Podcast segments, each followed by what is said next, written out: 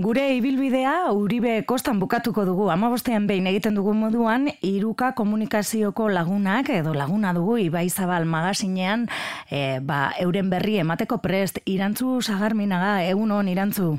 Egun hon da noi.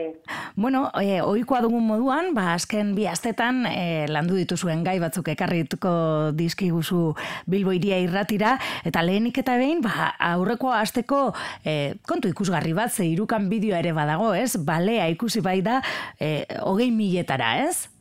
Ba, hori da, e, ba, bueno, kontu bitxia izan zen, aspaldi geneukan berbaienas.comekoekin e, hitzartuta lako bidaiatzo bat egitea eta bueno, argazki batzuk egitea eta eta ba Kriston eh bastakit ez ustekoa izan mm -hmm. e, aukera izan zutelako aspaldi aspaldi oindala ezagitzen bat urte ikusten hemen gure inguruotan ikusten etzan e, balea urdina ikusteko edo sere urdina ikusteko eta bueno, ba, oso, oso momentu polita, ez, ere bitxia eta eta ikaragarria izan zen, ez, itzela egia zen, Eta, bueno, ba, agian despistaturen bat edo bada bortik, ba, asko eta asko ikusi dutela, eta baina, bueno, ba, horre gure YouTubeko iruka euske kanalean e, aurkituko dute bideoa, eta, bueno, ba, ikustean merezi dauela, ez? Mm balea bat gure gandikan urbil e, gure kostaldean, ba, bueno, ba, urteotan ikusten etzan, e, gauzatxo, gauza bat izan da, eta bueno, ba, ba posarren gauz, ez? Mm Bai, ba, hortxe dago, ez? Iruka.eu zen ikusgarri, ba, momentu magiko horietako bat, ez? Esan daiteke.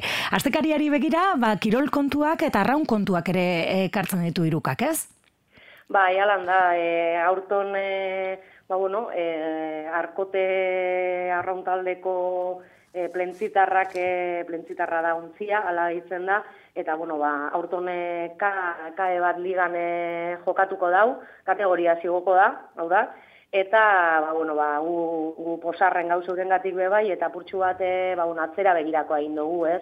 Urteotan guztiotan, ba, e, arkotekoek e, gora berak eukin dituzte, batzutan punta-puntan, beste batzutan ez hain beste, eta bueno, atzera begirako eta historia jaso dugu bebai, ez? E, ospatzeko gauza bat ere bada, baina bueno, e, dauden zailtasunak ere agerian ipini dire, eta ba, bueno, horren inguruan ere ba, egin dugu erreportaitxo bat.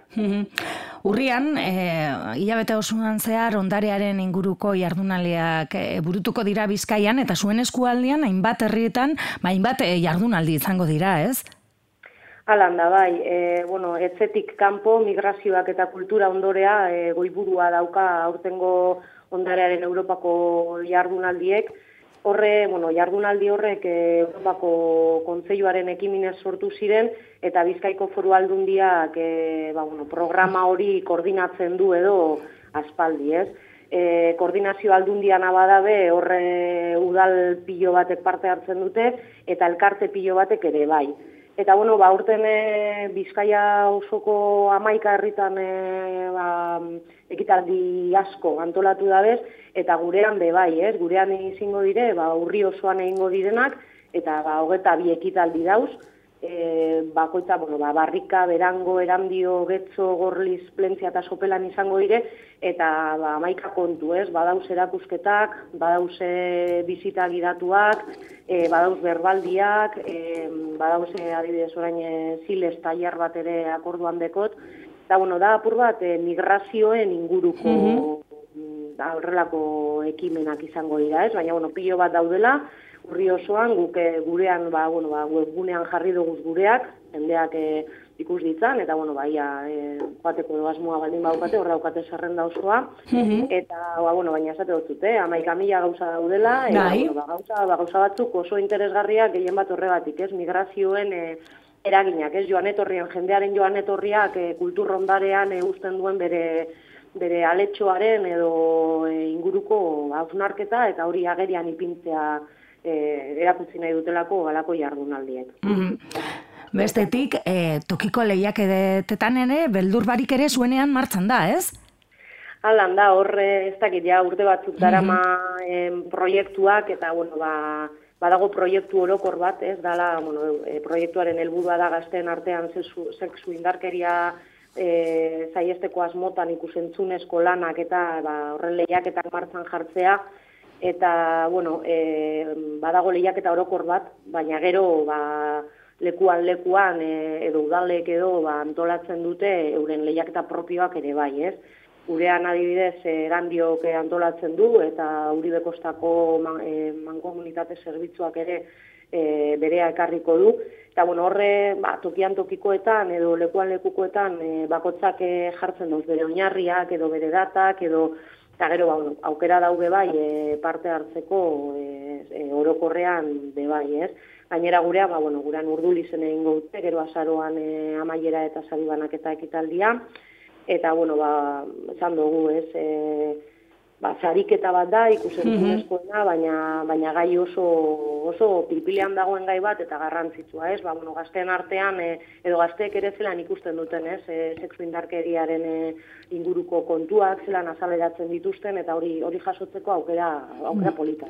Bai, eta nola bizi dituzten eurek ere, euren artean, ez? Egoera, hoiek identifikatzen dituzten, ez dituzten, interesgarria benetan, beldur barik egiten ari den lana, eta e, beste bat, Euskal Herrian, eta Bilbon, eta hainbat tokitan ere martzan dira berbalagun taldeak eta zuen eskualdean, noski, baita ere.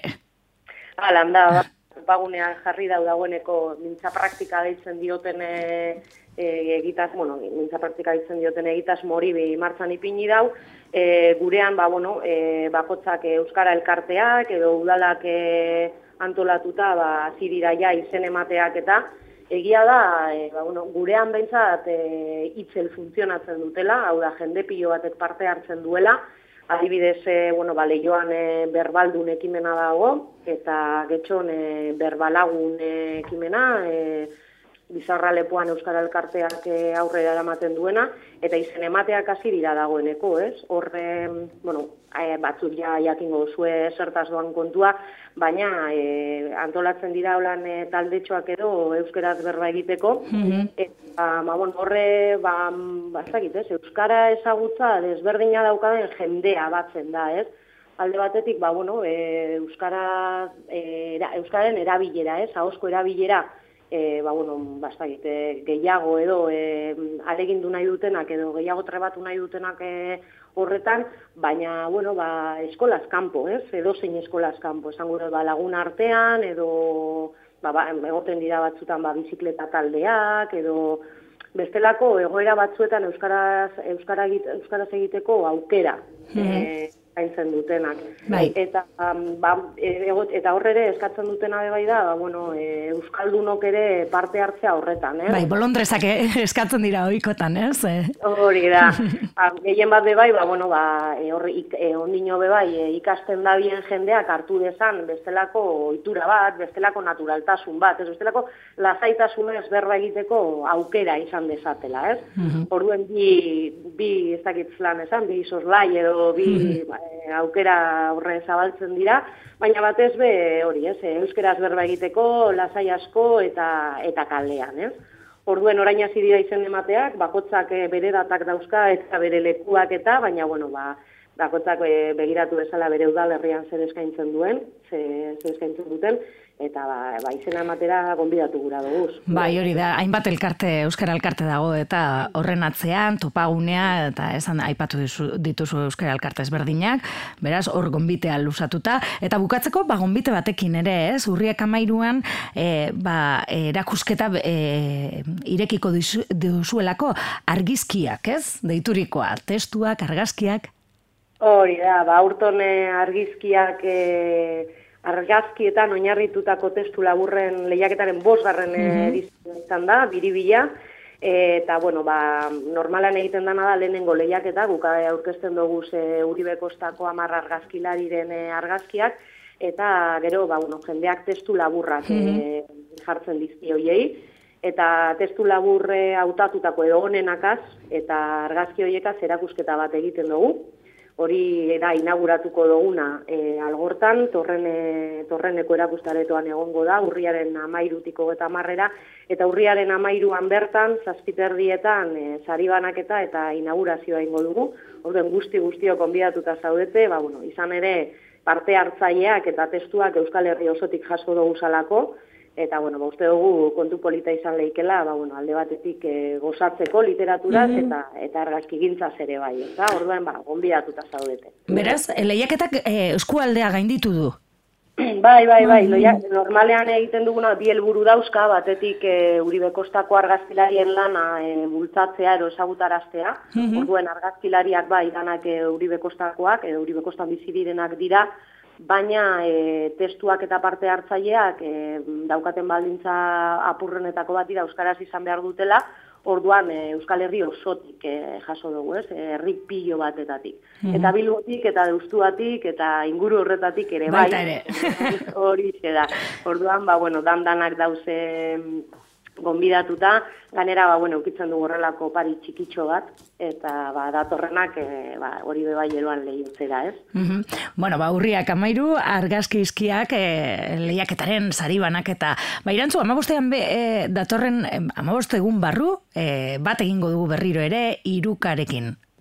Ederto, ba, ordura arte eta ondo ibili. Eskerrik asko, bai, agur. Zuei, agur.